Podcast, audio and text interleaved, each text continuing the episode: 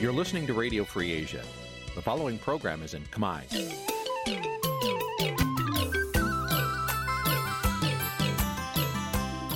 Nǐ chi càm bi tiệp xáy vệt chiu a zì sê ray នេះជាកម្មវិធីផ្សាយរបស់ Vithu Azisari ជាភាសាខ្មែរ វត្តឈូអាស៊ីសេរីសូមស្វាគមន៍លោកអ្នកនាងទាំងអស់ពីរដ្ឋធានី Washington នៃសហរដ្ឋអាមេរិកបាទពីរដ្ឋធានីវ៉ាស៊ីនតោនខ្ញុំបាទសនចាររថាសូមជម្រាបសួរលោកអ្នកនាងអ្នកស្ដាប់វិទ្យុអេស៊ីសរ៉ៃទាំងអស់ជាទីមេត្រីខ្ញុំបាទសូមជូនការផ្សាយសម្រាប់ព្រឹកថ្ងៃច័ន្ទ15កើតខែបគុណឆ្នាំខាលចត្វាស័កពុរសករាជ2566ត្រូវនៅថ្ងៃទី6ខែមីនាគ្រិស្តសករាជ2023បាទជាដំបូងនេះ សូមអញ្ជើញលោកអ្នកនាងស្ដាប់ព័ត៌មានប្រចាំថ្ងៃដែលមានមេត្តាដូចតទៅ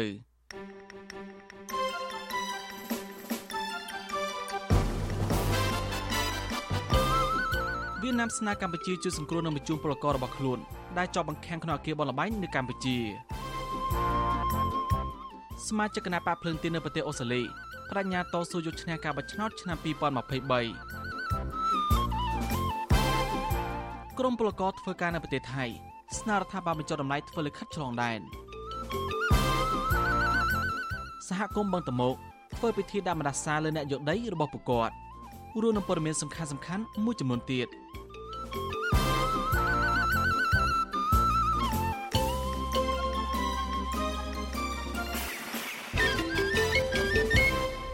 បានជាបន្តទៅនេះខ្ញុំបាទសនចាររថាសូមជូនព័ត៌មានពិស្ដា វៀតណាមស្នើកម្ពុជាជួយសង្គ្រោះនិងបញ្ជូនប្ររបស់ខ្លួនដែលកំពុងជាប់ឃាំងនៅខុសច្បាប់ពាក់ព័ន្ធទៅនឹងការជួញដូរមនុស្សនៅបនលបែងខុសច្បាប់ក្នុងប្រទេសកម្ពុជាចំណែកកម្ពុជាសន្យាថានឹងពង្រឹងកិច្ចសហប្រតិបត្តិការនិងដោះស្រាយបញ្ហាក្រកម្មទាំងនេះប្រកបដោយប្រសិទ្ធភាពអ្នកខ្លមើបញ្ហានយោបាយថាកម្ពុជាត្រូវរក្សាជំហរអព្យាក្រឹតមិនលំអៀងទៅប្រទេសណាមួយហើយត្រូវអនុវត្តច្បាប់ប្រកបដោយតម្លាភាពត្រឹមត្រូវក្នុងការលុបបំបាក់ក្រតកម្មខុសច្បាប់បាទពីរដ្ឋធានីវ៉ាស៊ីនតោនលោកមេរិតរាយការណ៍ព័ត៌មាននេះ ការស្នើរបស់ភាគីវៀតណាមនេះធ្វើឡើងកាលពីថ្ងៃទី4ខែមីនាក្នុងអំឡុងដំណើរទស្សនកិច្ចការងាររយៈពេល3ថ្ងៃរបស់រដ្ឋមន្ត្រីមហាផ្ទៃលោកសុកហេងនៅទីក្រុងហាណូយនៃប្រទេសវៀតណាម ចាប់ពីថ្ងៃទី3ដល់ថ្ងៃទី5ខែមីនាភាគីកម្ពុជានិងវៀតណាមក៏បានចុះហត្ថលេខាលើផែនការសហប្រតិបត្តិការឆ្នាំ2023រវាងក្រសួងមហាផ្ទៃកម្ពុជា និងក្រសួងនគរបាលវៀតណាម ទីភ្នាក់ងារសារព័ត៌មានវៀតណាម VNA ផ្សាយកាលពីថ្ងៃទី4ខែមីនាឲ្យដឹងថាក្នុងជំនួបជាមួយនាយករដ្ឋមន្ត្រីវៀតណាម លោកផាមីងជីងភាគីវៀតណាមបានស្នើក្រសួងមហាផ្ទៃកម្ពុជា និងក្រសួងសន្តិសុខសាធារណៈវៀតណាមឲ្យបន្តពង្រឹងកិច្ចសហប្រតិបត្តិការប្រយុទ្ធប្រឆាំងនឹងឧក្រិដ្ឋកម្មគ្រប់ប្រភេទជាពិសេសឧក្រិដ្ឋកម្មឆ្លងដែន ភាគីវៀតណាមក៏ចង់ឃើញមានការសម្របសម្រួលក្នុងការជួយសង្គ្រោះពលរដ្ឋវៀតណាមដែលត្រូវបានបង្ខាំងនិងបង្ខំឲ្យធ្វើការនៅតាមបនលបែងខុសច្បាប់នៅកម្ពុជានាយករដ្ឋមន្ត្រីវៀតណាមក៏បានស្នើឲ្យភាគីកម្ពុជា បន្តជួយគាំទ្រដល់សហគមន៍វៀតណាមនៅកម្ពុជាផងដែរទីភ្នាក់ងារសារព័ត៌មានវៀតណាម VNA ដដែលរាយការណ៍ថាជាការឆ្លើយតបលោកសុកហេងបានសន្យាថានឹងបន្តធ្វើការជាមួយភាគីវៀតណាមដើម្បីដោះស្រាយបញ្ហានានាប្រកបដោយប្រសិទ្ធភាពលោកសុកហេងក៏មិនភ្លេចអរគុណវៀតណាមចំពោះការដែលលោកថាប្រទេសនេះបានជួយរំដោះកម្ពុជាកាលពីពេលអតីតកាលនិងការចូលរួមចំណែកកសាងនិងអភិវឌ្ឍកម្ពុជានាពេលបច្ចុប្បន្ននេះវិសុវស៊ីស្រីមិនអាចតតងแนะនាំពាក្យក្រសួងមហាផ្ទៃលោកខៀវសុភ័ក្រនិងប្រធានអង្គភិបแนะនាំពាក្យរដ្ឋាភិបាល លោកផៃសិផាន បាននៅឡើយទេនៅថ្ងៃទី5ខែមីនា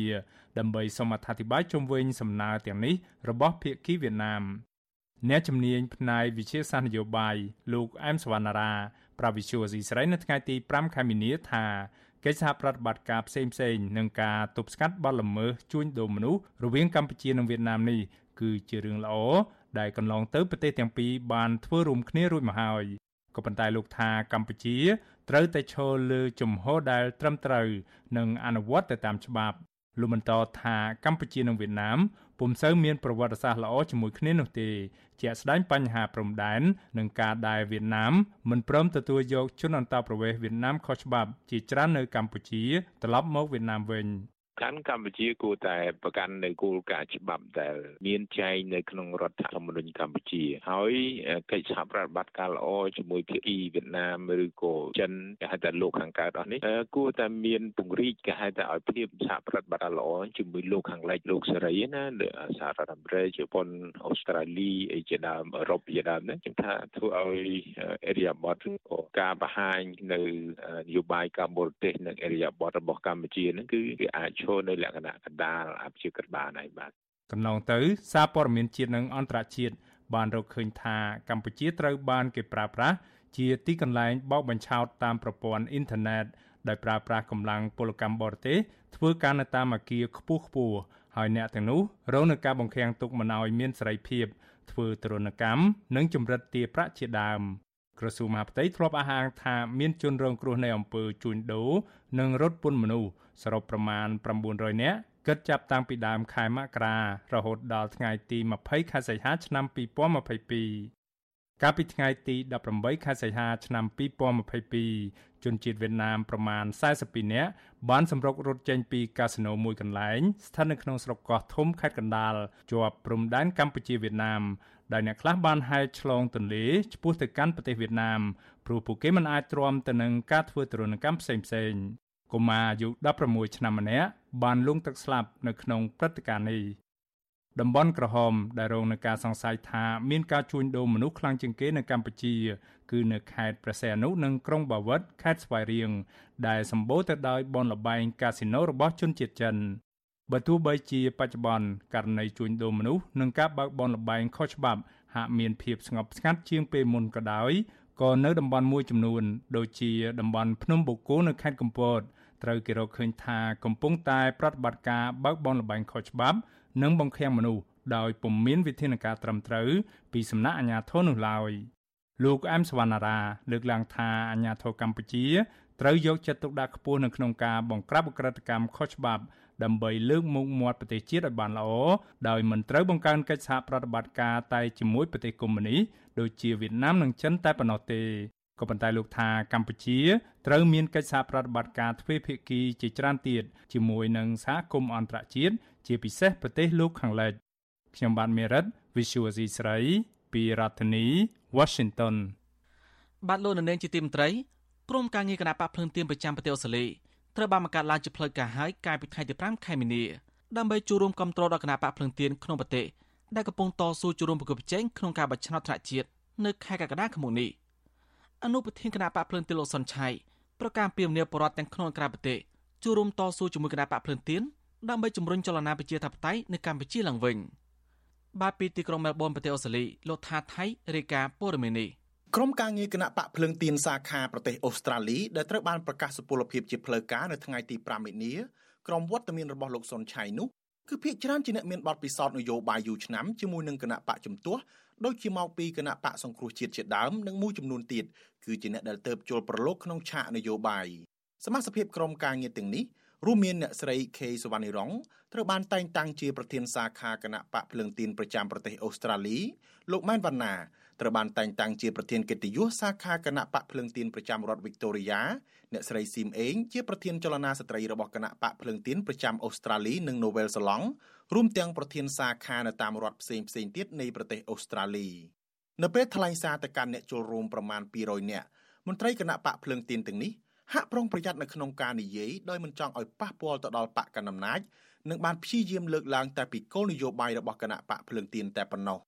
ប្រធានសាខាគណៈបកភ្លើងទៀនប្រចាំប្រទេសអូស្ត្រាលីអ្នកស្រីខេសវណ្ណរងថ្លែងថាគណៈបកភ្លើងទៀនបានក្លាយជាគណៈបកប្រកួតប្រជែងដ៏ធំមួយដែលអាចដណ្ដើមបានជ័យជំនះតាមបែបបទប្រជាធិបតេយ្យដើម្បីមានឱកាសបម្រើប្រជាពលរដ្ឋតាមគោលនយោបាយទាំង5ចំណុចរបស់គណៈបកយើងមានការសង្កេតឃើញថាគណៈបកភ្លើងទៀនជាគណៈបកធំហើយអាចមានលទ្ធភាពនឹងឈ្នះក្នុងពេលឆាប់ឆាប់នេះហើយក្នុងពេលអនាគត ការបោះឆ្នោតជ្រើសរើសតំណាងរាស្ត្រគឺនៅថ្ងៃទី23ខែកក្កការឆ្នាំ2023ខាងមុខនេះក្រុមយើងក្រោយពីយើងអនុវត្តពីចំណុចទាំង5ក្រុមយើងមានភារកិច្ចមួយដើម្បីប្រមូលថវិកាដើម្បីផ្ដល់គ្រប់ផ្គង់ដល់សមាជិកសមាជិកាដែលបានលះបង់អាយុជីវិតប្រឆាំងអំពើអយុត្តិធម៌ហើយធ្វើដំណើរឆ្លងទៅកាន់លទ្ធិប្រជាធិបតេយ្យត្រឹមត្រូវជាយោគណៈបកភ្លើងទៀនជាក្តីសង្ឃឹមរបស់ពលរដ្ឋខ្មែរ គោលនយោបាយអត្តភាពទាំង5ចំណុចរបស់គណៈបកភ្លើងទៀនរួមមានការពិនិត្យព្យាបាលជំងឺតាមមន្ទីរពេទ្យរដ្ឋដោយឥតបង់ប្រាក់ផ្ដល់ប្រាក់ខែ20ម៉ឺនរៀលដល់មនុស្សចាស់អាយុចាប់ពី65ឆ្នាំឡើងបង្កើនប្រាក់ខែដល់កម្មករទាបបំផុត1លាន2សែនរៀលនិងមន្ត្រីរាជការទាបបំផុត2លានរៀលធានាតម្លៃកសិផលខ្ពស់បញ្ចុះតម្លៃជីនិងប្រេងរួមទាំងការប្រាក់ទាបលើសពីនេះគណៈបកភ្លើងទៀនសន្យាផ្ដល់ការអប់រំល្អនិងបង្កើតការងារសម្រាប់យុវជនជាដើម ប្រធានកិត្តិយសសាខាគណៈបកភ្លើងទៀនប្រចាំរដ្ឋវិកតូរីយ៉ាលោកម៉ែនវណ្ណាលើកឡើងថាពួកលោកបានចូលរួមចំណែកតស៊ូជាយូរមកហើយដើម្បីជំរុញឲ្យមានប្រជាធិបតេយ្យនិងយុត្តិធម៌ពិតប្រាកដសម្រាប់ប្រជាពលរដ្ឋកម្ពុជាអតីតប្រធានចលនាគណៈបកសង្គ្រោះជាតិនៅក្រៅប្រទេសឬហៅថា CNRPO រូបនេះមើលឃើញថាក្នុងពេលបច្ចុប្បន្នមានតែគណៈបកភ្លឹងទៀនមួយប៉ុណ្ណោះមានការដឹកនាំនឹងគោលនយោបាយស្របតាមការចង់បានរបស់ពួកលោកនិងប្រជាពលរដ្ឋខ្មែរទូទៅ5ចំណុចជាគោលការណ៍របស់ គណៈបកភ្លើងទៀនអញ្ចឹងយើងទាំងអស់គ្នាដើម្បីគ្រប់គ្រងអ្វីដែលយើងចង់បានដែលប្រជាពលរដ្ឋនៅក្នុងប្រទេសចង់បានគឺត្រូវតែរៀបចំគណៈបកភ្លើងទៀនដែលយើងយល់ថាជាគណៈបកមួយអាចតេទៀងប្រជាពលរដ្ឋដែលប្រជាពលរដ្ឋក៏ចង់បានគណៈដឹកនាំថ្មីប្រកបដោយយុត្តិធម៌និង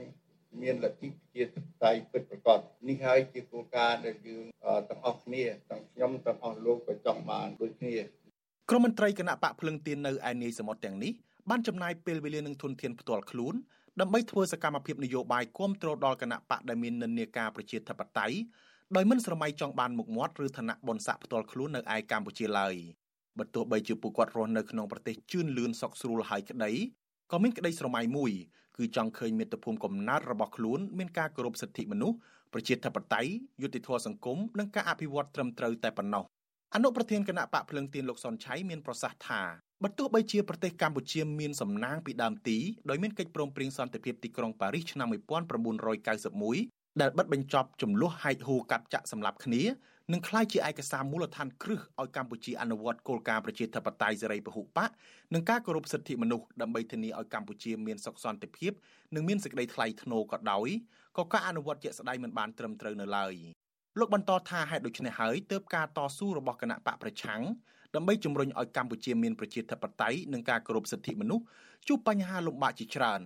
ដែលទំនងជាលោកចង់សម្ដៅទៅលើការគំរាមកំហែងនិងការធ្វើទុកបុកម្នេញឥតឈប់ឈរពីអ្នកមានអំណាចទោះជាយ៉ាងណា លោកមើលឃើញថាការតស៊ូកន្លងមកចាប់ផ្ដើមទទួលបានលទ្ធផលផ្លែផ្កាដោយប្រជាពលរដ្ឋទាំងក្នុងនិងក្រៅប្រទេសកាន់តែចូលរួមជាមួយនឹងគណៈបកភ្លឹងទៀន ដើម្បីជំរុញឲ្យមានការផ្លាស់ប្ដូរជាវិជ្ជមានក្នុងពេលឆាប់ឆាប់ខាងមុខនិងមានប្រជាធិបតេយ្យពិតប្រាកដនៅកម្ពុជានៅពេលនេះលើសពីពេលណាណាទាំងអស់មិនត្រឹមតែមានការគ្រប់គ្រងការជឿជាក់តែកើតចេញពីទឹកចិត្តរបស់ប្រជាពលរដ្ឋយើងនៅស្រុកខ្មែរទេប្រជាពលរដ្ឋនៅប្រទេសអូស្ត្រាលីថ្ងៃនេះជាក់ស្ដែងបានបង្ហាញថាប្រជាពលរដ្ឋខ្មែរចាត់បានលទ្ធិប្រជាធិបតេយ្យពិតប្រាកដនៅកម្ពុជា យើងរស់នៅទីនេះយើងបានឃើញហើយថាការគ្រប់គ្រងរបៀបប្រជាធិបតេយ្យវាមានអត្ថប្រយោជន៍យ៉ាងណាដល់សមាជិកពលរដ្ឋរបស់ជាតិនិងប្រទេសជាតិរបស់ជាតិហើយការគ្រប់គ្រងដែលមិនត្រឹមត្រូវស្របតាមលទ្ធិប្រជាធិបតេយ្យដែលកើតមាននៅមិនថាតែស្រុកខ្មែរទេនៅទីណានៅក្នុងពិភពលោកតើផ្ដល់ការលំបាកយ៉ាងណាដល់ប្រជាពលរដ្ឋដូច្នេះជំរឿនមានមួយពុតគឺយើងបន្តការតស៊ូយើងដើម្បីលទ្ធិប្រជាធិបតេយ្យនេះក្នុងពិធីនេះ លោកសុនឆៃក៏បានថ្លែងរៀបរាប់អំពីគោលនយោបាយរបស់គណៈបកភ្លឹងទៀនយ៉ាងលម្អិតហើយទទួលបាននូវការចាប់អារម្មណ៍យ៉ាងខ្លាំងពីប្រជាពលរដ្ឋអ្នកចូលរួមអ្នកស្រាវជ្រាវការអភិវឌ្ឍសង្គមនិងនយោបាយបណ្ឌិតសេងសេរីដែលចូលរួមក្នុងពិធីនេះដែរបញ្ចេញទស្សនៈថាការពង្រីកវិសាលភាពរបស់គណៈបកភ្លឹងទៀននៅក្រៅប្រទេសនេះមានសារៈសំខាន់ដើម្បីទាក់ទាញអ្នកគាំទ្រនិងប្រភពហិរញ្ញវត្ថុដើម្បីមានលទ្ធភាពប្រកួតប្រជែងដណ្ដើមអំណាចនៅក្នុងការបោះឆ្នោតនៅខែកក្កដាខាងមុខចំពោះគោលនយោបាយរបស់គណៈបកភ្លឹងទៀនវិញ លោកមើលឃើញថាមានភាពសាមញ្ញក៏ប៉ុន្តែឆ្លើយតបតាមតម្រូវការជាក់ស្ដែងរបស់ប្រជាពលរដ្ឋដែលពួកគាត់កំពុងតែប្រឈមមុខកម្ពុជាពិតជាត្រូវការសន្តិភាពក៏ប៉ុន្តែសន្តិភាពមួយដដែលមានយុត្តិធម៌សន្តិភាពមួយដែលមានសមធម៌សន្តិភាពមួយដែលពលរដ្ឋរស់នៅប្រកបដោយសេចក្តីបរិសុទ្ធជាសន្តិភាពដែលគ្រប់គ្នាអាចប្រជែងប្រទេសបានជាសន្តិភាពដែលគ្រប់គ្នាមានជីវភាពសមរម្យហើយក៏ជាសន្តិភាពមួយដែលអាចគួតប្រជែងជាមួយនឹងប្រទេសដទៃជាពិសេសប្រទេសជប៉ុន ទីចុងក្រោយខ្ញុំក៏ចង់ឃើញបកមួយជាពិសេសខ្ញុំក៏ចង់ឃើញគណៈបកភ្លើងទៀននឹងអាចបានទទួលជោគជ័យក្នុងការបោះឆ្នោតឆ្នាំ2023ដើម្បីអាចដឹកនាំរដ្ឋាភិបាលចាប់ពីឆ្នាំ2023ហើយខ្ញុំក៏ចង់ឃើញគោលនយោបាយ5ចំណុចរបស់គណៈបកភ្លើងទៀនត្រូវបានយកទៅអនុវត្តក្រៅពីប្រទេសអូស្ត្រាលីនេះគណៈបកភ្លឹងទៀនក៏បានពង្រីករចនាសម្ព័ន្ធទៅដល់ប្រទេសផ្សេងផ្សេងទៀតដែលប្រជាពលរដ្ឋខ្មែររស់នៅច្រើនដូចជាប្រទេសនូវែលសេឡង់ ប្រទេសកូរ៉េខាងត្បូងជប៉ុនសហរដ្ឋអាមេរិកនិងនៅទ្វីបអឺរ៉ុបជាដើម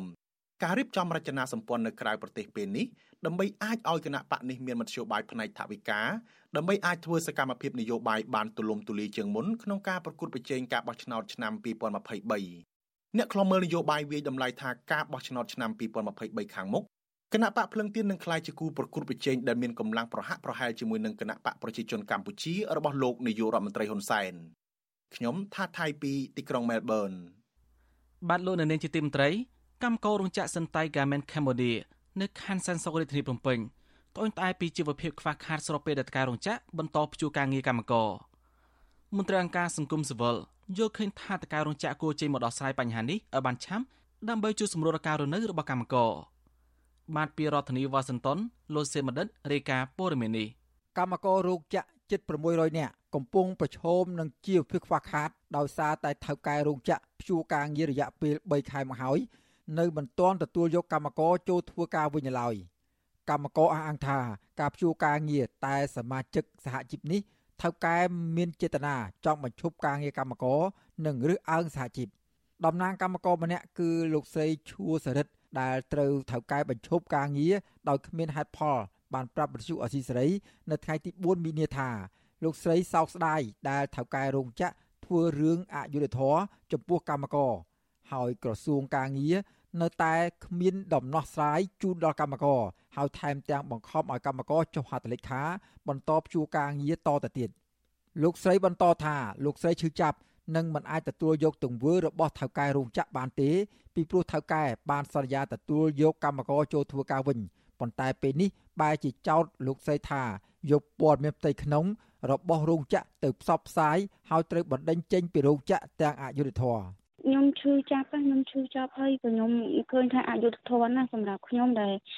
កម្មករដែលអត់ដឹងរឿងអីបន្តិចមានគេចោទប្រកាន់ខ្ញុំអញ្ចឹងគឺឈឺចាប់បំផុតនៅពេលដែលថាយើងជាកម្មករគេហៅហើយគេឆក់កាតយើងទៀតខ្ញុំយើងទៅខ្ញុំអឺតូចចិត្តខ្លាំងណាបងណាមួយខ្ញុំជាកម្មករគឺខ្ញុំទទួលយកអត់បាន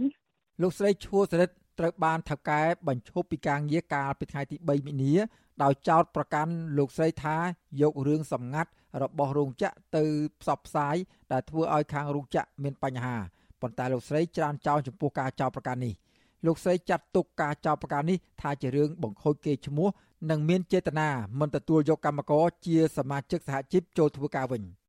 ស្រដៀងគ្នានេះដែរប្រធានសហជីពស្មារតីកម្មករកម្ពុជា លោកកឹមសុផេនថ្លែងថា ថៅកែមានចេតនាចង់បញ្ឈប់សហជីពទាំងអស់មិនឲ្យចូលធ្វើការងារម្យ៉ាងទៀតលោកថាការបញ្ឈប់សមាជិកសហជីពលោកនេះគឺចង់គម្រាមកំហែងដល់សមាជិកសហជីពផ្សេងទៀតដែលហ៊ានចេញមុខតវ៉ាជាមួយថៅកែអូយពិបាកចិត្តណាស់ដល់ថ្នាក់អឺកម្មករគាត់សាញឥឡូវមកលឺក្រសួងគាត់ចង់រៀដោយសារដាក់ទៅក្រសួងហើយដំណោះស្រាយគឺសូនឈឹងគ្មានគ្មានអីបន្តិចសោះមកវិញហើយពិបាកទាំងទាំង ទឹកចិត្តកម្មករគាត់ឡើងគាត់លែងអស់ជំនឿក្នុងការជឿជាក់ដាក់ទៅក្រសួងពេលឥឡូវគាត់និយាយថាដាក់ទៅក្រសួងគាត់សើតែអស់ជំនឿទៅលើការដាក់ទៀតទោះបីជាយ៉ាងណាកាលពីថ្ងៃទី8កុម្ភៈខាងអធិការការងារបានចុះទៅសម្របសម្រួលវិវាទការងារមួយនេះម្ដងរួចមកហើយប៉ុន្តែមិនទទួលបានដំណោះស្រាយនោះទេអធិការកិច្ចការងារក៏បានបង្ខំឲ្យកម្មករជិត600នាក់បន្តព្យួរការងារមួយខែទៀត ក្រោមហេតុផលថាគ្មានអ្នកបញ្ជាទិញទំនិញនិងខ្វះខាតសម្ភារៈដើម្បីដំណើរការសង្វាក់ផលិតកម្មក្រុមកម្មករយល់ឃើញថាអធិការកិច្ចការងារកំពុងការពារផលប្រយោជន៍ឲ្យខាងរោងចក្រដោយមិនខ្វល់ពីទុកលំបាករបស់កម្មករឡើយវិទ្យុអាស៊ីសេរីនៅពុំទាន់អាចតតងអគ្គលេខាធិការរងនៃគណៈកម្មាធិការសម្រាប់ដោះស្រាយបញ្ហាកោតកម្មបាតុកម្មនៃក្រសួងកាងារលោកទេសរុកផល និងប្រធានរដ្ឋបាលរោងចក្រសិនតៃ Garment គឺអ្នកស្រីអ៊ុនសុភាដើម្បីបញ្ជាក់ជុំវិញរឿងនេះបាននៅឡើយទេ នៅថ្ងៃទី4ខែមីនាដោយទូរស័ព្ទចូលចានដងតែពុំមានអ្នកទទួលជុំវិញរឿងនេះប្រធានសហភាពការងារកម្ពុជា លោកអាត់ធុនមានប្រសាសន៍ថាខាងរោងចក្រគួរតែដោះស្រាយបញ្ហានេះជូនកម្មករជាពិសេសបើព្យួរការងារលើសពី2ខែថៅកែរោងចក្រត្រូវទូទាត់ប្រាក់ខែពេញឲ្យកម្មករលោកបញ្ជាក់ថាបើខាងថៅកែមិនទូទាត់ទេ គឺក្រសួងការងារគួរតែចុះពិនិត្យមើលភ្លាមភ្លាមជៀសវាងការអនុវត្តខុសនីតិវិធីច្បាប់រូបការងារគួរតែចុះទៅអធិការឲ្យបានច្បាស់លាស់អំពីការព្យួរឬទៅធានាថាឲ្យកម្មករហ្នឹងគឺថាបានទទួលទៅតាមច្បាប់ក្នុងករណីដែលក្រុមហ៊ុននៅមានលទ្ធភាពព្យួរឲ្យព្យួរតាមច្បាប់ហើយការរើសអើងសហជីពឬក៏ការព្យួរទៅលើតែ កម្មជនសហជីពឬសមាជិកសហជីពវាជារឿងធ្វើខុសច្បាប់អញ្ចឹងក្រសួងគួរតែទៅអង្កេតហើយនឹងណែនាំទៅខាងក្រុមហ៊ុនក្នុងករណីក្រុមហ៊ុននៅតែមានការរើសអើងគឺនៅក្នុងច្បាប់គឺគេហាមការរើសអើងការរទុកនឹងហ្នឹងអាចផាកពិន័យទៅលើក្រុមហ៊ុននឹងបានណាគិតបន្ទួលនឹងពីនេះថៅកែរោងចក្រមួយនេះព្យួរការងារកម្មករចំនួន3ខែមកហើយនិងមានកម្មករមួយចំនួនមិនទទួលបានប្រាក់ឧបត្ថម្ភ30ដុល្លារនោះទេក្រុមកម្មករភៀកច្រើនជាស្ត្រីចាត់ទុកថាថៅកែរោងចក្រ ប្រកាន់បពពួកឬអើងសហជីពនិងមានចេតនាបង្ខំឲ្យសហជីពឈប់ធ្វើការងារដោយខ្លួនឯងរោងចក្រនេះមានកម្មករធ្វើការងារសរុបជាង3000នាក់ក្នុងនោះជាង2000នាក់កំពុងធ្វើការងារនិងជាង600នាក់ទៀតត្រូវបានព្យួរការងារកាលពីថ្ងៃទី17ខែសីហាឆ្នាំ2022លោកនាយករដ្ឋមន្ត្រីហ៊ុនសែនធ្លាប់បានស្ដីបន្ទោសខ្លាំងៗ ទៅរដ្ឋមន្ត្រីក្រសួងការងារលោកអ៊ិតសំហេងនិងចេញបញ្ជាឲ្យដោះស្រាយសំណងជូនកម្មករតាមរយៈការខ្ចីលុយពីរដ្ឋាភិបាលដើម្បីកុំឲ្យកម្មករទាំងនោះបន្តរងទុក្ខលំបាកតទៅទៀតទោះយ៉ាងណារដ្ឋមន្ត្រីក្រសួងការងាររូបនេះនៅតែមិនដោះស្រាយវិវាទការងាររបស់កម្មករនៅឡើយដែលបណ្ដោយឲ្យកម្មកររងទុក្ខលំបាកយ៉ាងខ្លាំងក្រុមកម្មករអាងថាពួកគេនឹងនៅតែបន្តតវ៉ារហូតទាល់តែមានដំណោះស្រាយប្រសិនបើថៅកែគ្មានដំណោះស្រាយជូនពួកគេនៅពេលនេះខ្ញុំបាទសេកបណ្ឌិតវិទ្យុអាស៊ីសេរីពីរដ្ឋធានីវ៉ាស៊ីនតោនបាទតកតងរឿងកម្មករនេះដែរ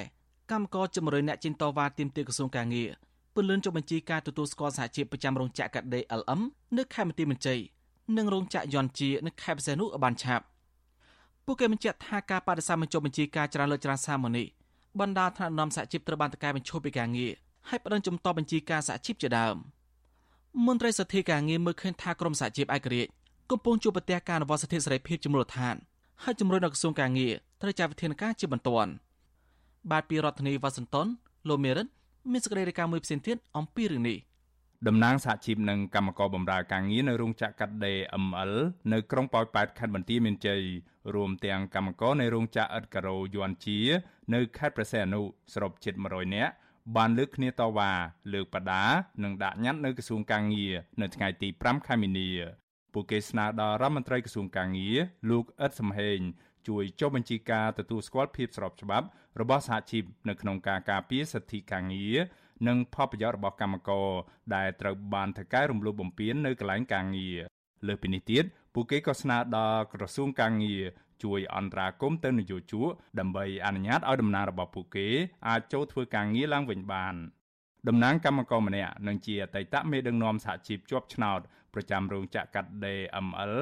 ដែលត្រូវបានថកែបញ្ឈប់ពីការងារលោកកែវវ៉ាន់វណ្ណៈប្រាវិសុយស៊ីស្រីថាក្រោយតវ៉ារយៈពេលមួយព្រឹកមកមន្ត្រីក្រសួងការងារលោកនិនវណ្ណៈបានហៅតំណាងកម្មករចំនួន10នាក់ចូលជួបពិភាក្សារយៈពេលប្រមាណ20នាទីដោយពួកលោកបានលើកឡើងនៅទុកកង្វល់របស់កម្មករនៅកន្លែងការងារដោយសារក្រសួងការងារយឺតយ៉ាវក្នុងការទទួលស្គាល់សហជីពនៅក្នុងរោងចក្រ លោកឲ្យដឹងថាមន្ត្រីនៅទីនោះបានសន្យាថានឹងយកញត្តិរបស់កម្មករដាក់ជូនរដ្ឋមន្ត្រីក្រសួងកាងារជួយដោះស្រាយនិងឆ្លើយតបនាពេលខាងមុខនេះក្រុមហ៊ុនអ្នកបង្កើតសហជីពអញ្ចឹងគឺដូចជាមិនយូរទេតែយ៉ាងយូរតែមួយអាទិត្យគេបានសហជីពហើយប៉ុន្តែវាផុសឆ្គងតែក្នុងពួកខ្ញុំជាកម្មករទៅធ្វើវិជាការបែរជាក្រសួងការងារហ្នឹងចាប់កំហុសរឹតបន្តឹងគ្រប់កលៈទេសៈទាំងអស់ហ្មងគាត់ខ្ញុំយល់ថាក្រសួងដូចមានការរើសអើងបាទចំពោះសហជីពដែលបង្កើតឡើងដោយកម្មករ ស្រដៀងគ្នានេះដែរតំណាងគណៈកម្មការប្រចាំរោងចក្រផលិតឥដ្ឋការ៉ូយ័នជា នៅខេត្តប្រសេនុលោកលេងព្រំដែនរៀបរាប់ថាមូលហេតុដែលក្រុមកម្មករចេញមកដាក់ញត្តិនេះពេលនេះគឺដោយសារតែតំណាងគណៈកម្មការ បានដាក់ពាក្យស្នើសុំបង្កើតសហជីពស្របតាមច្បាប់នៅក្រសួងកាងារអស់រយៈពេល14ខែមកហើយនឹងកែអក្ខរាវិរុទ្ធរហូតដល់13លើកមកហើយក៏ប៉ុន្តែក្រសួងកាងារនៅតែបដិសេធមិនព្រមចុះបញ្ជីការសហជីពឲ្យដល់ក្រុមកម្មករឡើយលោកឲ្យដឹងថាការដែលគ្មានវត្តមានសហជីពនៅក្នុងរោងចក្រកន្លងមកថៅកែបានបញ្ឈប់កម្មករជាង30នាក់រួមទាំងថ្នាក់ដឹកនាំសហជីពជាប់ឆ្នោតជាច្រើនអ្នកទៀតទាំងអយុធធម៌បំផុត និងពុំមានដំណោះស្រាយឬសំណងអ្វីឡើយលើពីនេះទៀតលោកថាថៅកែបានប្រមានមិនអោយកម្មករបង្កើតសហជីពនៅក្នុងរោងចក្រថែមទៀតផង គាត់ធ្វើឲ្យយឺតយ៉ាវខាងបញ្ចេញបញ្ជីការឲ្យពួកខ្ញុំអញ្ចឹងទៅពួកខ្ញុំវានៅខាងរោងចក្រវាមានបញ្ហាដូចជាការប្រឈមនឹងបញ្ហាចិនមកឈប់ពួកខ្ញុំដោយស្វ័យប្រវត្តិគាត់អត់មានគិតអីឲ្យពួកខ្ញុំទាំងអស់គឺថាប្រឈប់ដោយងាយងាយហ្មងក្នុងពលចង់ឲ្យខាងក្រសួងការងារជួយចេញបញ្ជីការឲ្យពួកខ្ញុំមកបានឆាប់លះមកខ្ញុំយកទៅដល់ស្រាយជាមួយនឹងតកែនយោជកហើយនឹងឲ្យពួកខ្ញុំបានចូលធ្វើការវិញធម្មតា ខ្លឹមសារញ្ញត្តិបញ្ជាក់ថាក្រុមកម្មការបម្រើការងារនៅរោងចក្រកាត់ដេរ ML និងរោងចក្រផលិតឥដ្ឋការ៉ូយួនជាបានបោះឆ្នោតជ្រើសរើសថ្នាក់ដឹកនាំសហជីពនិងដាក់ពាក្យស្នើសុំចុះបញ្ជីការនៅក្រសួងការងារកាលពីខែមករាឆ្នាំ2022ក៏ប៉ុន្តែមន្ត្រីក្រសួងការងារហាក់មានចេតនាបង្កការរាំងស្ទះដល់ដំណើរការចុះបញ្ជីការសហជីពហើយក្នុងពេលរងចាំចុះបញ្ជីនេះក្រុមហ៊ុនបានបញ្ឈប់ថ្នាក់ដឹកនាំសហជីពជាប់ឆ្នោតជាហូរហែ បើទោះបីជាពួកគេទទួលបានការការពារពិសេសដោយច្បាប់ស្តីពីការងារច្បាប់ស្តីពីសហជីពនិងអនុសញ្ញាអន្តរជាតិ ILO ក៏ដោយវិសុវអេស៊ីស្រីមិនអាចតាក់ទងអគ្គលេខាធិការរងនៃគណៈកម្មាធិការសម្រាប់ដោះស្រាយបញ្ហាកោតកម្មបាតកម្មនៃក្រសួងការងារលោកទេសរុក្ខផលនិងអ្នកនាំពាក្យក្រសួងការងារលោកហេងសួរដើម្បីបញ្ជាក់ជុំវិញរឿងនេះបាននៅឡើយទេនៅថ្ងៃទី5ខែមីនា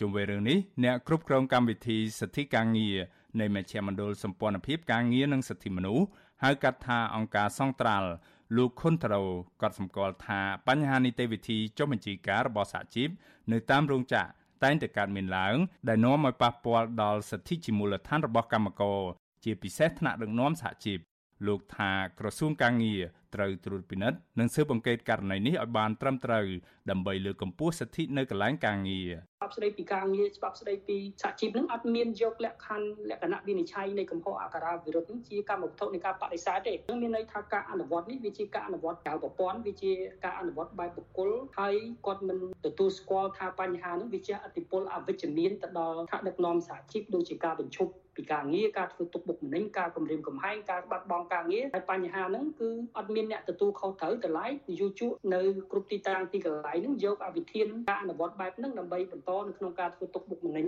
ឬក៏ចេតនាមិនចង់ឲ្យមានសហជីពឬក៏ការរើសអើងសហជីពនៅកន្លែងការងារអង្គការសង្ត្រាល់បញ្ជាក់ថាចាប់តាំងពីឆ្នាំ2022រហូតដល់ដើមឆ្នាំ2023នេះអង្គការបានរកឃើញថាមានសហជីពមូលដ្ឋានជាង10 ប្រឈមទៅនឹងបញ្ហានៃការបដិសេធមិនចុះបញ្ជីការលោកបន្តថាថ្នាក់ដឹកនាំឬស្ថាបនិកសហជីពដែលចូលរួមបង្កើតសហជីពនៅតាមបណ្ដារោងចក្រសហគ្រាសជាង50នាក់ត្រូវបាននយោជកបណ្ដេញចេញពីការងារដោយមិនបន្តកិច្ចសន្យាការងារនិងក្រោមការចាត់ប្រកាន់ពីកំហុសការងារផ្សេងៗដូចជាករណីនៅរោងចក្រឈឺមីងស៊ីងរោងចក្រ Easter Ground នៅរាជធានីភ្នំពេញរោងចក្រ ML នៅប៉ោយប៉ែត រោងចក្រ Bright Flashing នៅតាកែវនិងរោងចក្រយ័ន្តជានៅខេត្តព្រះសីហនុជាដើមអង្គការដដែលឲ្យដឹងថាកន្លងទៅក្រុមហ៊ុន បានប្តឹងទាស់ទៅក្រសួងកាងារករណីថ្នាក់ដឹកនាំឬស្ថាបនិកសហជីពត្រូវបានបញ្ឈប់ពីការងារគណៈមន្ត្រីទទួលបន្ទុកការអនុវត្តច្បាប់ផ្ដល់ឱកាសឲ្យនយោជកបន្តការគម្រាមកំហែងដល់សិទ្ធិសេរីភាពជាមូលដ្ឋាន នៅក្នុងការការពារសិទ្ធិនិងផលប្រយោជន៍របស់កម្មករនៅកន្លែងការងារ ក្រុមអង្គការសង្គមស៊ីវិលតែងជំរុញឲ្យក្រសួងការងារពន្លឿនការចេញបានចុះបញ្ជីការរបស់សហជីពនៅតាមរោងចក្រឲ្យបានឆាប់ព្រមទាំងជួយដោះស្រាយបញ្ហាឲ្យក្រុមកម្មករឲ្យមានប្រសិទ្ធភាពដើម្បីការពារផលប្រយោជន៍កម្មករស្របតាមច្បាប់ខ្ញុំបាទមេរិត Visual C ស្រីពីរដ្ឋធានី Washington បាទលោកនៅនាងជាទីមត្រីតើតោងនឹងពលករខ្មែរធ្វើការនៅប្រទេសថៃនៅវិញពួកគាត់ស្នើរដ្ឋាភិបាលបញ្ចុះតម្លៃធ្វើលិខិតឆ្លងដែន ដើម្បីប្រកក្រីក្រមានលទ្ធភាពចំណាយហើយអាចធ្វើចំណាក់ស្រុកទៅរកការងារធ្វើក្រៅប្រទេសដោយស្របច្បាប់មន្ត្រីអង្គការសង្គមស៊ីវិលគ្រប់គ្រងចំពោះការស្នើសុំនេះហើយជំរុញរដ្ឋាភិបាលបង្កើនចំនួនខេត្តធ្វើលិខិតឆ្លងដែនឲ្យបានច្រើនដើម្បីផ្ដល់ភាពងាយស្រួលដល់ពលរដ្ឋបាទពីរដ្ឋធានីវ៉ាស៊ីនតោនលោកជីវតារាយការណ៍ព័ត៌មាននេះពលករខ្មែរធ្វើការនៅប្រទេសថៃ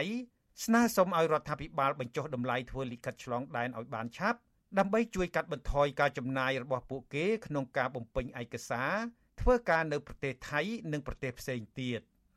ពលករខ្មែរម្នាក់ដែលកំពុងធ្វើការនៅខេត្តសមុទ្រប្រការគឺលោកគួសវឿនប្រាប់វិទ្យុអាស៊ីសេរីថាលោកបានធ្វើចំណាក់ស្រុកជាមួយប្រពន្ធលោកទៅធ្វើការនៅប្រទេសថៃកាលពីឆ្នាំ2015ដោយត្រូវចំណាយអស់ម្នាក់10000បាតឬប្រហែល300ដុល្លារដើម្បីបំពេញឯកសារឲ្យបានស្របច្បាប់ លោកបន្ថែមថា លោកបានបង់លុយឲ្យក្រុមហ៊ុនឯកជនដើម្បីបំពេញបែបបទឯកសារឲ្យលោកប៉ុន្តែដោយសារក្រុមហ៊ុនធ្វើឯកសារយឺតយ៉ាវតម្រួតថៃបានចាប់ប្រពន្ធលោក និងកូនរបស់លោកដែលមានអាយុទៅតែ2ខែទៅបង្ខាំងទុកនៅប៉ុស្តិ៍ប៉ូលីសខោកខាមបាត់ហើយនៅថ្ងៃទី5មីនាហើយពេលនេះលោកកំពុងយកលុយ20000បាត ដើម្បីទៅលួសយកប្រពន្ធកូនរបស់លោកវិញលោកគូសវឿនបន្ថែមថា គ្រួសាររបស់លោកមិនសូវបានផ្ញើលុយទៅស្រុកកំណើតវិញទេ ព្រោះលោកត្រូវចំណាយលើថ្លៃបំពេញឯកសារស្របច្បាប់ច្រើនចុះតម្លៃមកអញ្ចឹងបងប្អូនយើងគេអាចធ្វើទៅនេះពេលនេះបងប្អូនខ្លះគេដាច់ឯកសារដាច់ច្បាប់ជួយអញ្ចឹងដល់ពេលជួលគេទៅធ្វើយើងអស់ថ្លៃទៅតាមចិត្តធ្វើការបានថ្ងៃ300ទៅពេលគេធ្វើអញ្ចឹងទៅគាត់បងប្អូនខ្លះគាត់ខ្វល់ខ្វាយពេលនេះពួកចំនួនថៃព្រមសំចាប់ទាំងអីហ្នឹងពិបាកចិត្តដែរថ្ងៃហ្នឹងស្រដៀងគ្នានេះដែរពលករខ្មែរម្នាក់ទៀតដែលកំពុងធ្វើការនៅទីក្រុងបាងកក លោកហាក់ស្លូប្រាប់វិទ្យុអាស៊ីសេរីថាលោកបានមកធ្វើការនៅប្រទេសថៃជាមួយប្រពន្ធជិត2ឆ្នាំមកហើយប៉ុន្តែគ្រួសាររបស់លោកនៅតែមិនអាចមានលទ្ធភាពឲ្យកូនចូលរៀនបាននោះឡើយលោកបន្ថែមថា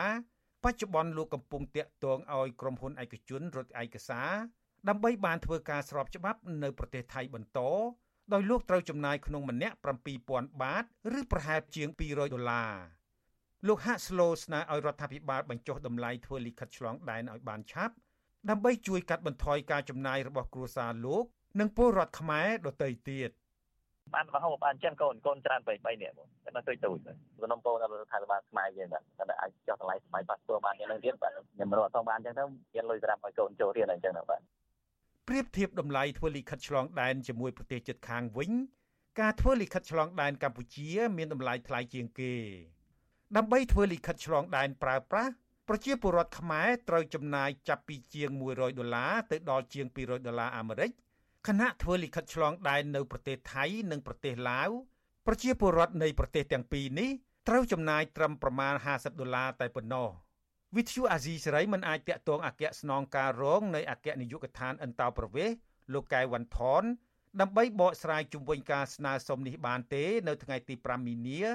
ដោយទូរស័ព្ទចូលតែលោកថាកំពុងជាប់រវល់ទោះជាយ៉ាងណា នៅក្នុងពិធីចែកសញ្ញាបត្រដល់និស្សិតសាកលវិទ្យាល័យឯកទេសនៃកម្ពុជា នៅខេត្តបាត់ដំបង កាលពីថ្ងៃទី1ខែមីនាកន្លងទៅរដ្ឋមន្ត្រីក្រសួងមហាផ្ទៃលោកសខេងបានថ្លែងថារដ្ឋាភិបាលកំពុងពិចារណាបញ្ចុះតម្លៃលិខិតឆ្លងដែនក៏ប៉ុន្តែលោកមិនបានបញ្ជាក់ពីពេលវេលាច្បាស់លាស់នៅឡើយទេ ឥឡូវនៅសល់តែប៉ាសពតទេដែលមានតម្លៃហើយមានអ្នកខ្លះក៏ស្រែកថាប៉ាសពតនោះថ្លៃពេកបាទថ្លៃពេកដែររដ្ឋាភិបាលនឹងពិចារណាទៀតតើតម្លៃប៉ុណ្ណាដែលស្របព្រោះរដ្ឋាភិបាលយើងនេះដែលកើតចេញពីការបោះឆ្នោតជុំវិញរឿងនេះនាយកប្រតិបត្តិអង្គការសង្ត្រាល់លោកមឿនដុល្លារគាំទ្រចំពោះការស្នើសុំឲ្យរដ្ឋាភិបាលបញ្ចុះតម្លៃក្នុងការធ្វើលិខិតឆ្លងដែនឲ្យបានឆាប់លោកបន្ថែមថាការបញ្ចុះតម្លៃធ្វើលិខិតឆ្លងដែន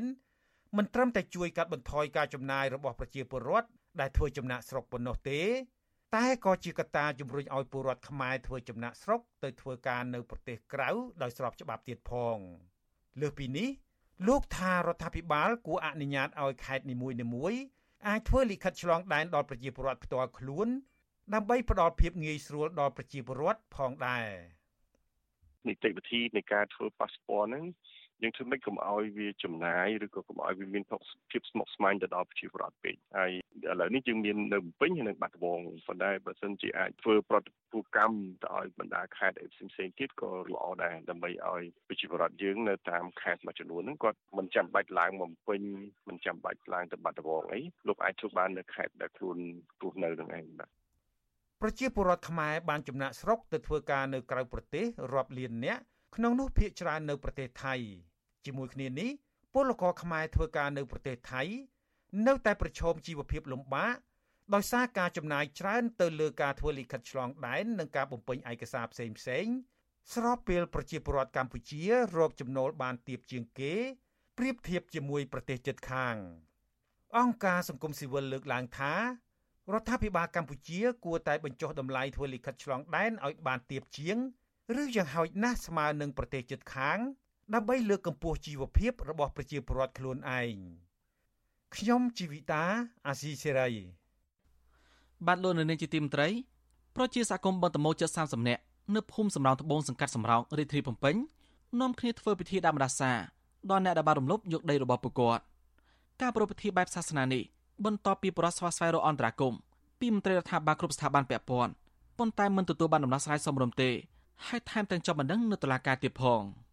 ពលរដ្ឋជាមរុគ្រួសារនៅផ្ទះចិត្តសុខ្នងនៅក្បែរបឹងតមោកហើយអស់សង្ឃឹមលំត្រីអាញាធរដ្ឋក្នុងការដោះស្រាយវិវាទដីធ្លីដោយប្រកាសបានងារទៅធ្វើពិធីបួងសួងតាមបែបសាសនាហើយដាក់ម្ដាសាដល់អ្នកដែលបានរំលោភយកដីហើយបំផ្លិចបំផ្លាញមុខរបររបស់ពួកគាត់ដំណាងសហគមន៍បឹងតមោកលោកស្រីប្រាសុភាបានប្រាប់វិទ្យុអេស៊ីសរ៉ៃថ្ងៃទី5មីនាដោយលោកស្រីបញ្ជាក់ថាគ្មានជំនឿលើប្រព័ន្ធតុលាការទៀតទេដោយសារតែលោកស្រីនិងតំណាងពលរដ្ឋច្រើនរូបផ្សេងទៀតបានស្នើកិច្ចអន្តរាគមន៍ពីគ្រប់ក្រសួងពាក់ព័ន្ធ ប៉ុន្តែមិនទទួលបានការដោះស្រាយទេប៉ុន្តែមានតែការគម្រាមកំហែងហើយប្រាំពឹងសារលើពលរដ្ឋលោកស្រីបញ្ជាក់ថាមន្ត្រីរដ្ឋាភិបាលទៅនេះគ្មានឆន្ទៈដោះស្រាយបញ្ហាទេដូច្នេះបានជាលោកស្រីបដូរទៅជឿជំនឿបែបសាសនាវិញ។បើ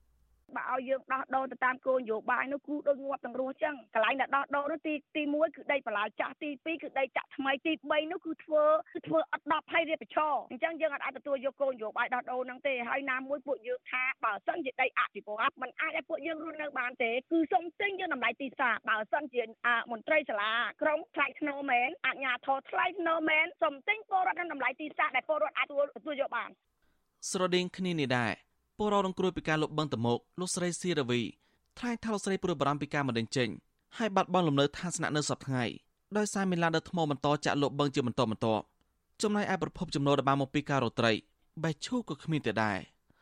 លោកស្រីបន្តថាការធ្វើពិធីបែបសាសនានេះដោយសារសង្ឃឹមថាអាចជួយដល់ប្រជាពលរដ្ឋឲ្យនៅស្ងប់សុខពួក យើងនៅតែព្រួយបារម្ភតែពួកយើងនៅតែចងក្រងគ្នាថាទោះបីយើងនៅសល់តែ20ផ្ទះឬ30ផ្ទះក៏យើងនៅតែសុំសិទ្ធិអភិវឌ្ឍទោះអីយើងអត់ចង់ទៅនៅកន្លែងថ្មីនឹងទេហើយផ្ទះថ្មីនឹងអត់ដូចនៅប្លង់គំរូដែលអាជ្ញាធរខាងគាត់ធ្វើបង្ហាញពួកយើងទេអត់ដូចក្នុងបទបង្ហាញទេគឺដៃតូចតូចហើយចោលខ្លាំងអីនឹងបលំហើយផ្ទះនឹងពិធីដាក់មដាសានេះធ្វើឡើងក្នុងគោលបំណងផ្សព្វផ្សាយមន្ត្រីមានសមត្ថកិច្ចបានឃើញពីភាពអសកម្មរបស់មន្ត្រីក្នុងការដោះស្រាយបញ្ហា និងប្តឹងដល់វត្ថុស័ក្តិសិទ្ធិដើម្បីរកយុត្តិធម៌ជូនដល់ប្រជាពលរដ្ឋដោយសារការធ្វើតាមផ្លូវច្បាប់មិនទទួលបានដំណោះស្រាយកន្លងមកសាគមសម្រងត្បូងបានរកកិច្ចអន្តរាគមន៍ពីក្រសួងដែនដីស្ថាប័នរដ្ឋសភានិងខុទ្ទកាល័យលហ៊ុនសែនច្រាលើកច្រានសារមកហើយដើម្បីស្នើកាត់ជ្រឿដី5ហិកតាហើយជីមប្លង់កម្មសិទ្ធិដីធ្លីជូនដល់ប្រជាជីន200គ្រួសារនិងផ្ទះ108ខ្នងក៏ប៉ុន្តែមកទល់ពេលនេះពួកគាត់មិនទទួលបានដំណោះស្រាយនៅឡើយទេតាក់ទងរឿងនេះវិទ្យុអេស៊ីសរ៉ៃ មិនទាន់សុំការបំភ្លឺពីអ្នកនាំពាក្យសាលាក្រុងភ្នំពេញលោកមេតមីភក្តីនិងអ្នកនាំពាក្យក្រសួងដែនដីនគររូបនីយកម្មនិងសំណង់លោកសេនឡូបានឡើយទេនៅថ្ងៃទី5ខែមីនាជុំវិញរឿងនេះប្រធានសម្ព័ន្ធនិស្សិតបញ្ញវន្តខ្មែរលោកកើតសរាយលើកឡើងថាការដែលបរិបទនាំគ្នាគោរពបូជាតាមបែបសាសនានេះដោយសារតែបរិបទបាត់បង់ទំនុកចិត្តលឹមត្រញ្ញាធរចូលដោះស្រាយបញ្ហាដូច្នេះអាញាធរគឺពលឹងការដោះស្រាយវិវាទដីធ្លីនេះឲ្យតាន់ពេលវេលាលោកបញ្ជាក់ថាប្រសិនបើបរិបទអត់ជំនឿលឹមត្រញ្ញាធរហើយ អំពើសារក្នុងសង្គមក៏អាចកើតមានដែរដោយសារតែការឈឺចាប់ការរំពើអយុត្តិធម៌និងការគៀបសង្កត់ផ្លូវចិត្តដូច្នេះប្រការនេះអាញាធរត្រូវធានាថាបរដ្ឋរនៅប្រកបដោយសេចក្តីថ្លៃថ្នូរ អាជ្ញាធរពាក់ព័ន្ធគួរតែគួរតែព្យាយាមកសាងទំនុកចិត្តដល់ពលរដ្ឋឡើងវិញព្រោះកាត់ដូចខ្ញុំបញ្ជាក់ហើយអញ្ចឹងកាលណាដែលវិជាពលរដ្ឋបាត់បង់ចិត្តអាហ្នឹងគឺអំពើហិង្សាក្នុងសង្គមវានឹងកើតឡើងហើយនឹងធ្វើឲ្យសង្គមនឹងពោពេញដោយគំនុំកាន់តែច្រើនទៅពីមួយថ្ងៃទៅមួយថ្ងៃណាហើយយើងកុំភ្លេចថាយើងក៏បានរៀនសូត្រយ៉ាងច្បាស់ហើយក្នុងសម័យខ្មែរក្រហមនៅពេលដែលសង្គមមួយដែលមិនតន់មិនតន់អាចធ្វើឲ្យប្រជាពលរដ្ឋមានជំនឿចិត្តទាំងស្រុងហើយនៅពេលដែលមានឱកាសមានអីមួយគឺជួនដែលធ្លាប់មានគំនុំក្នុងសង្គមដែលគឺនឹងយកឱកាសហ្នឹងដើម្បីសងសឹកបើទោះបីជាណាលួនយមត្រីហ៊ុនសែនថានឹងកាត់ជីវិតដីនេះបន្ថែមទៀតដើម្បីការអភិវឌ្ឍបើទោះបីជាមានការរិះគន់យ៉ាងណាក៏ដោយ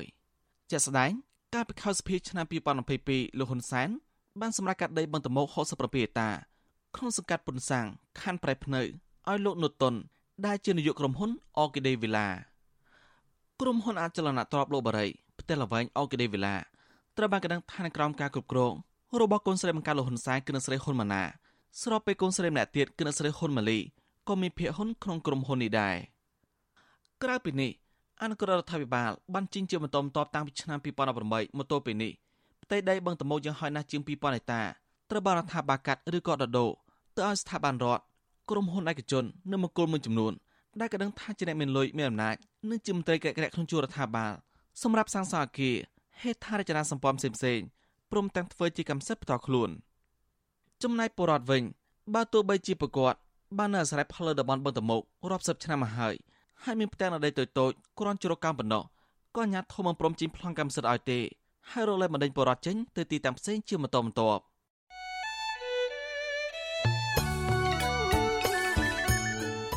បានលោកនាងជាទីមន្ត្រីនៅក្នុងឱកាសនេះដែរខ្ញុំបានសូមថ្លែងអំណរគុណដល់លោកនាងកញ្ញាទាំងអស់ ដែលតែងតែមានភក្ដីភាពចំពោះការផ្សាយរបស់យើងហើយចាត់ទុកការស្ដាប់វិទ្យុអាស៊ីសេរីជាផ្នែកមួយនៃសកម្មភាពប្រចាំថ្ងៃរបស់លោកនាងការគ្រប់គ្រងរបស់លោកនាងនេះហើយដែលធ្វើឲ្យយើងខ្ញុំមានទឹកចិត្តកាន់តែខ្លាំងបន្ថែមទៀតនៅក្នុងការស្វែងរកនិងផ្តល់ព័ត៌មានជូនលោកនាងមានអ្នកស្ដាប់អ្នកទស្សនាកាន់តែច្រើនកាន់តែធ្វើឲ្យយើងខ្ញុំមានភាពស្វាហាប់មោះមុតជាបន្តទៅទៀតយើងខ្ញុំសូមអរគុណទុកជាមុនហើយសូមអញ្ជើញលោកនាងចូលរួមជំរុញសកម្មភាពផ្តល់ព័ត៌មានរបស់យើងនេះកាន់តែជោគជ័យបន្ថែមទៀត លោកអ្នកនាងអាចជួយយើងខ្ញុំបានដោយគ្រាន់តែចុចចែករំលែកឬ Share ការផ្សាយរបស់យើងនៅលើបណ្ដាញសង្គម Facebook និង YouTube ទៅកាន់មិត្តភ័ក្តិដើម្បីឲ្យការផ្សាយរបស់យើងបានទៅដល់មនុស្សកាន់តែច្រើន បាទសូមអរគុណ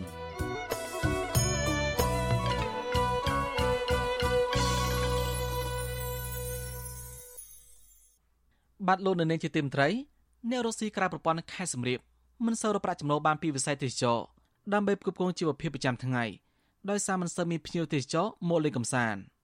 អង្គការសង្គមស៊ីវិលថាកម្ពុជាគួរបង្កើនតំណែងល្អជាមួយបណ្ដាប្រទេសជិតខាងបានច្រើនដើម្បីផ្សព្វផ្សាយពីវប្បធម៌ជាតិឲ្យបានទូលំទូលាយដើម្បីទាក់ទាញភ្ញៀវទេសចរមកលេងកម្សាន្តបាទពីរដ្ឋធានីវ៉ាស៊ីនតោនលោកសេបណ្ឌិតរាយការណ៍ព័ត៌មាននេះ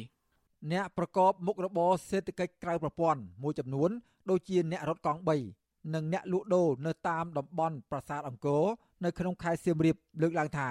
បច្ចុប្បន្ននេះ ភ្ញៀវទេសចរមកលេងកំសាន្តនៅខេត្តសៀមរាបមិនសូវមានច្រើននោះទេ ចំណែកភ្ញៀវបរទេសមានតិចតួចប៉ុណ្ណោះពួកគាត់ថាបើទោះបីរដ្ឋាភិបាលព្យាយាមប្រកាសថាភ្ញៀវទេសចរសម្រុកមកលេងកម្ពុជាច្រើនក្តីប៉ុន្តែជាក់ស្ដែងมันមានដោយការលើកឡើងនោះឡើយស្របពេលដែលពួកគាត់រកប្រាក់ចំណូលក្នុងមួយថ្ងៃស្ទើរតែមិនបាន5000រៀលផងពីវិស័យទេសចរ កំពុងតែអង្គុយលើកង់បីរបស់ខ្លួន នៅខាងមុខប្រាសាទបាយ័នដែលពលរដ្ឋនិយមហៅថាប្រាសាទអង្គរធំ លោកមេតសាលីប្រាប់បទសុអសីស្រី ថាលោករត់កង់3ជារៀងរាល់ថ្ងៃភ ieck ច្រើនដឹកពលរដ្ឋខ្មែរដែលមកលេងប្រាសាទអង្គរលោកបន្តថាក្នុងមួយខែលោកមានភ្ញៀវទេសចរដឹកបានតែ3ទៅ4ជើងប៉ុណ្ណោះភ្ញៀវទេសចរទាំងនោះ បានកក់តាមប្រព័ន្ធអនឡាញដូចជា Telegram និង WhatsApp ជាដើម លោកបន្តថាស្ថានភាពភ្ញៀវទេសចរមកលេងនៅខេត្តសៀមរាបពេលនេះគឺស្ងប់ស្ងាត់បើទោះបីជាកម្ពុជា បានបើកប្រទេសឡើងវិញ បន្ទាប់ពីផ្ទុះជំងឺ Covid-19 ខ្លាំងនោះហើយក៏ដោយលោកអះអាងថាកត្តាមិនសូវមានភ្ញៀវទេសចរមកច្រើនយ៉ាងដូចនេះអាចបណ្ដាលមកពីបញ្ហាសេដ្ឋកិច្ចក្រោយពីពិភពលោកជួបវិបត្តិ Covid-19 និងបញ្ហាសង្គ្រាមរវាងរុស្ស៊ីនិងអ៊ុយក្រែនជាដើម តែយ៉ាងណាលោកថាបញ្ហាស្ថិរភាពផ្នែកនយោបាយ និងលំហប្រជាធិបតេយ្យនៅកម្ពុជាបន្តធ្លាក់ចុះក៏អាចជាកត្តាមួយដែលធ្វើឲ្យភ្ញៀវទេសចរមួយចំនួនរារែកក្នុងការមកលេងកម្សាន្តនៅប្រទេសកម្ពុជានេះដែរជំនុំពោឲ្យរាជរដ្ឋាភិបាលនឹងជួយប្រម៉ូទឲ្យបានភ្ញៀវទេសចរនឹងចូលស្រុកខ្មែរបានច្រើនច្រើនដើម្បីឲ្យប្រជាជនខ្មែរនឹងមានអ្នករមកនិងអ្នកឡានធូរហ្គាយឲ្យមានការងារធ្វើលោកមេតសាលីបន្តថាបច្ចុប្បន្ននេះលោករកចំណូលបានពីការដឹកភ្ញៀវទេសចរជាតិនិងអន្តរជាតិក្នុងមួយខែ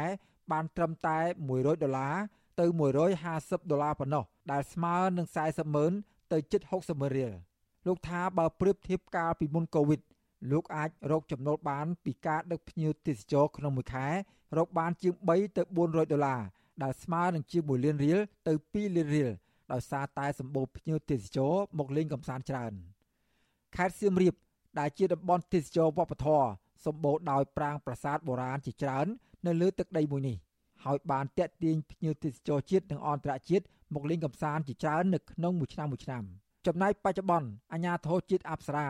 បានកែលម្អមុខប្រាសាទដោយដាំស្មៅខៀវស្រងាត់រួមមានទាំងការដាំកូនឈើជាច្រើននៅតាមសួនមុខប្រាសាទដូចជាប្រាសាទអង្គរតូច និងប្រាសាទអង្គរធំជាដើម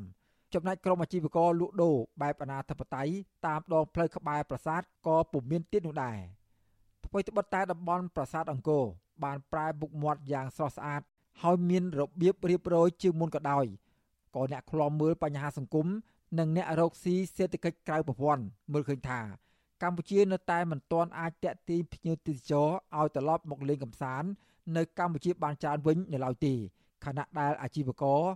មគ្គុទេសទេសចរផ្ទះសំណាក់និងសន្តាគារជាច្រើនកន្លែង នៅមិនទាន់ដំណើរការឡើងវិញនៅឡើយ ក្រសួងទេសចរកាលពីថ្ងៃទី3ខែធ្នូថារយៈពេល10ខែឆ្នាំ2022ក្រោយកម្ពុជាបើកប្រទេសទទួលទេសចរអន្តរជាតិឡើងវិញខេត្តសៀមរាបបានកើនភ្ញៀវទេសចរអន្តរជាតិឡើងវិញខណៈដែលជើងហោះហើរចូលមកខេត្តនេះមានប្រមាណ15ជើងក្នុងមួយថ្ងៃដែលដឹកភ្ញៀវទេសចរចាប់ពី1300ទៅ1400នាក់ក្នុងមួយថ្ងៃប្រភពដដាលបញ្ជាក់ថា រយៈពេល10ខែក្នុងឆ្នាំ2022កន្លងទៅខេត្តសៀមរាបទទួលបានភ្ញៀវទេសចរសរុបជាង1លាន7សែននាក់កើនឡើងជាង8%បើធៀបនឹងរយៈពេលដូចគ្នាកាលពីឆ្នាំ2021ក្នុងនោះភ្ញៀវទេសចរអន្តរជាតិមានចំនួនជិត170,000នាក់បានកើនឡើងជាង2000%ចំណែកឯអ្នកលក់ទឹកដូងនិងភេសជ្ជៈនៅខាងមុខទីលានជួលដំរីឯនោះវិញលោកស្រីទឹកហ៊ាវលើកឡើងថា ភ្ញៀវទេសចរមកលេងកំសាន្តនៅតំបន់អង្គរច្រើនតែពេលមានបុណ្យទានម្ដងម្ដង ចំណែកឯថ្ងៃធម្មតា គឺមានសភាពស្ងប់ស្ងាត់លោកស្រីបន្តថា ចំណែកឯភ្ញៀវទេសចរបរទេសយូរយូរទើបមានឃើញច្រើនម្ដងប៉ុន្តែភ្ញៀវទេសចរទាំងនោះមិនសូវមានការជួយទិញទឹកដូងនិងភេសជ្ជៈលោកស្រីនោះទេ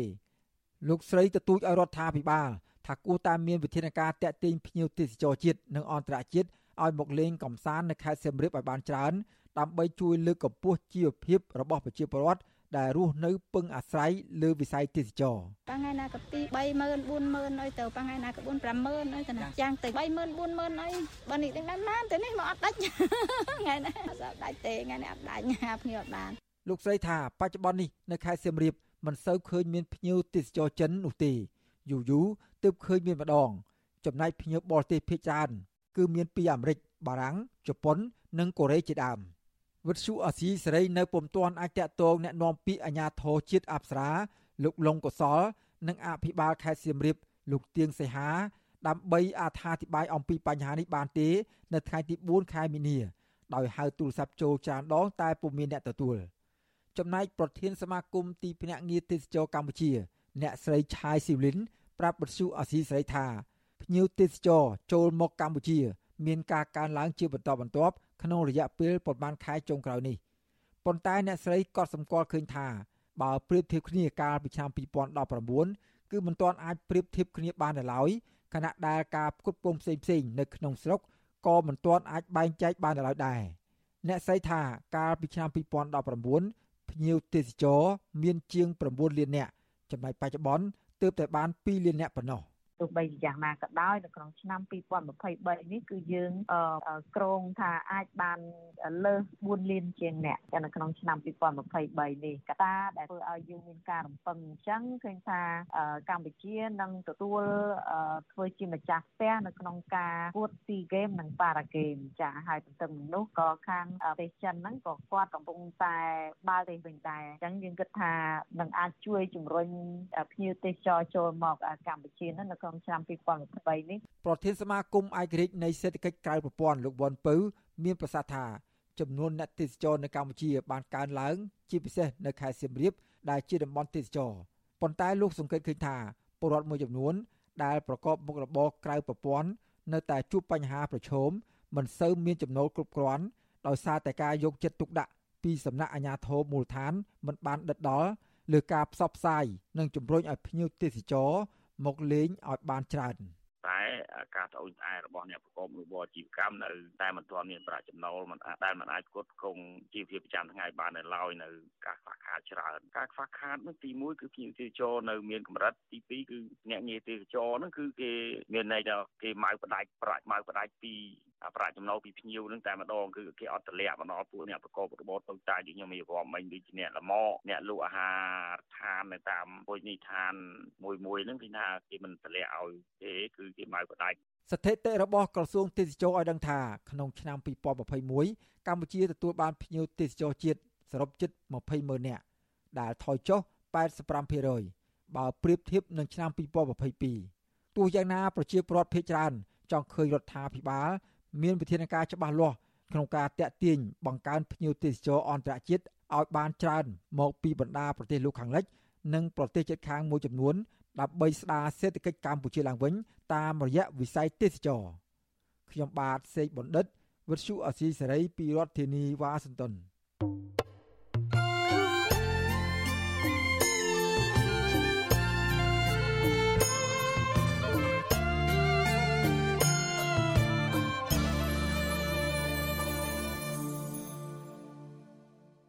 បានលោកនៅនាងជាទីមន្ត្រី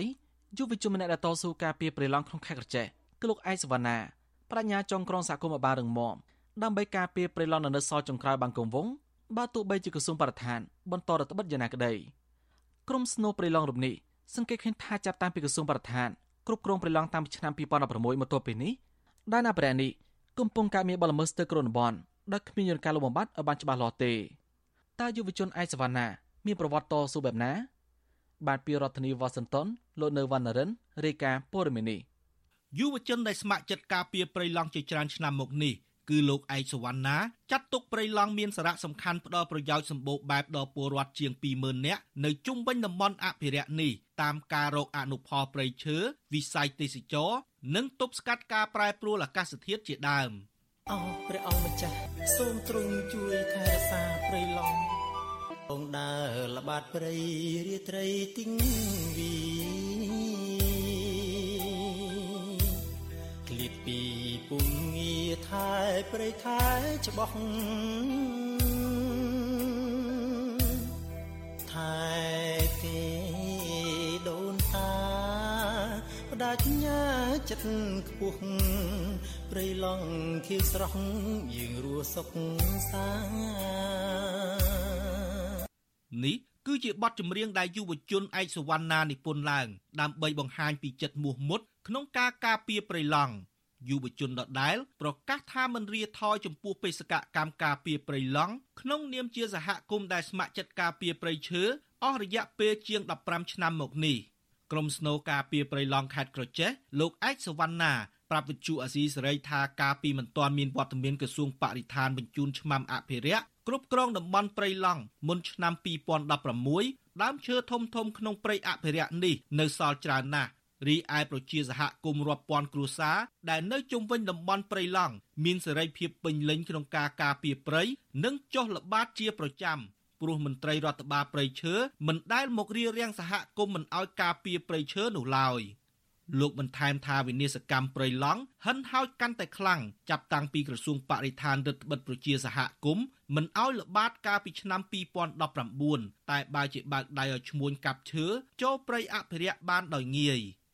អ្នកការពារព្រៃឡង់រូបនេះក៏សង្កត់ធ្ងន់ថាឆ្មាំអភិរក្សរបស់ក្រសួងបរិស្ថាន តែងតែរកលុយពីគោយន្តដឹកឈើក្នុងមួយគោយន្តពីចន្លោះ100000ទៅ300,000រៀលដែលជាហេតុធ្វើឲ្យបទល្មើសព្រៃឈើនៅតែកើតមានកាន់តែច្រើន។ចំណែកប្រជាសហគមន៍ខ្លះបាក់ទឹកចិត្តបោះបង់ភារកិច្ចការពារព្រៃព្រោះភ័យខ្លាចអាជ្ញាធរគម្រាមកំហែងនិងធ្វើបាប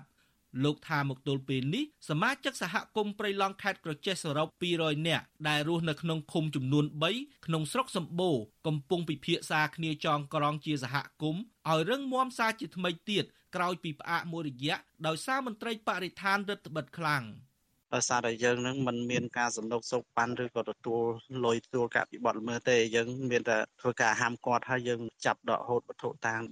យុវជនវ័យ37ឆ្នាំសម្បល់ស្រអែមរូបនេះធ្លាប់បួសជាសង្ឃចំនួន8ព្រះវស្សាដោយគង់ចាំព្រះវស្សាក្នុងវត្តអារាមមួយកន្លែង ស្ថិតនៅលើភ្នំជីជាប់ដែនជំរកសត្វព្រៃឡង់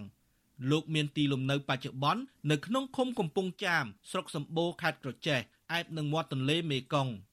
បច្ចុប្បន្នលោកមានកូន2នាក់ដោយមានផ្ទះឈើមួយខ្នងសង់គៀកដែនជំរកសត្វព្រៃឡង់ ហើយលោកមានមុខរបរធ្វើស្រែចម្ការលើផ្ទៃដី5ហិកតា និងរកឃ្មុំក្នុងតំបន់ព្រៃឡង់ដើម្បីរកចំណូលផ្គត់ផ្គង់ជីវភាពគ្រួសារ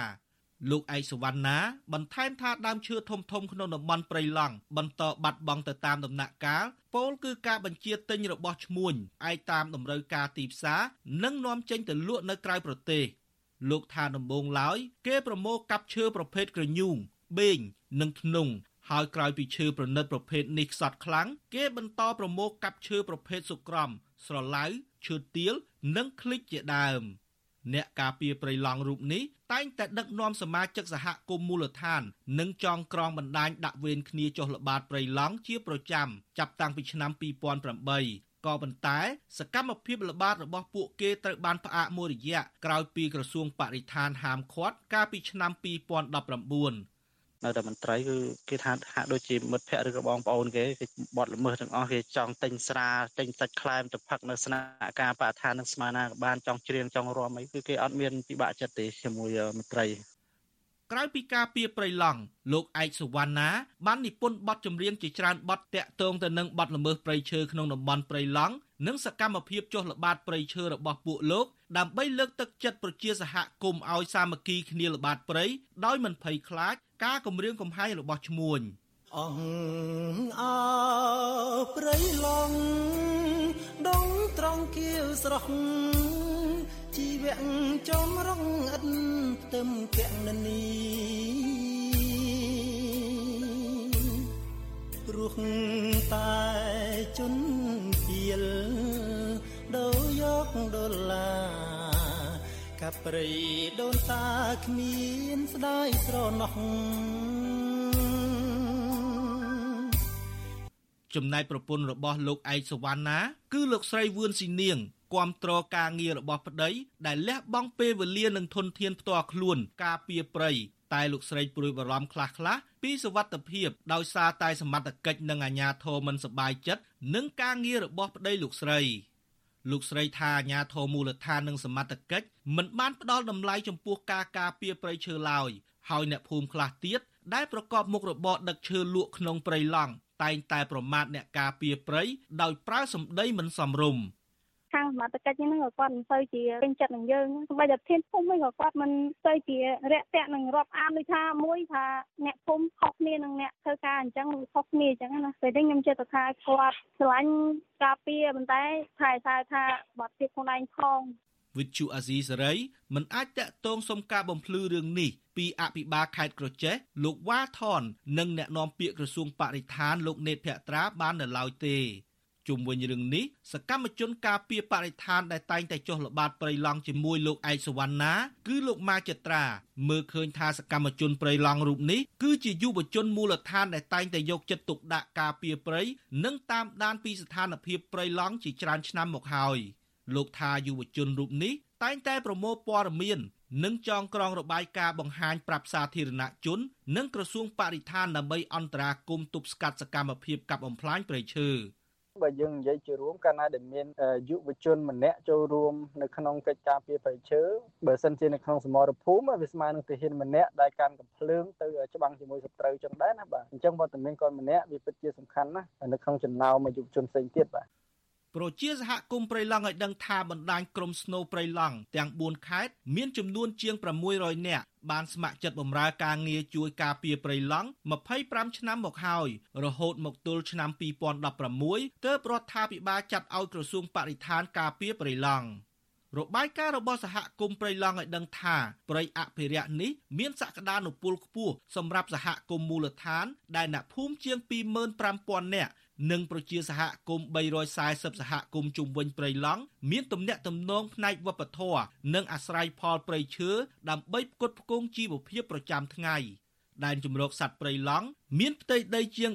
430,000ហិកតាស្ថិតក្នុងចន្លោះខេត្ត4គឺខេត្តក្រចេះស្ទឹងត្រែងព្រះវិហារនិងខេត្តកំពង់ធំ ដែលគ្រប់គ្រងដោយក្រសួងបរិស្ថានខ្ញុំបាទនៅវណ្ណរិន With Chu Azizi Saray ពីរដ្ឋធានី Washington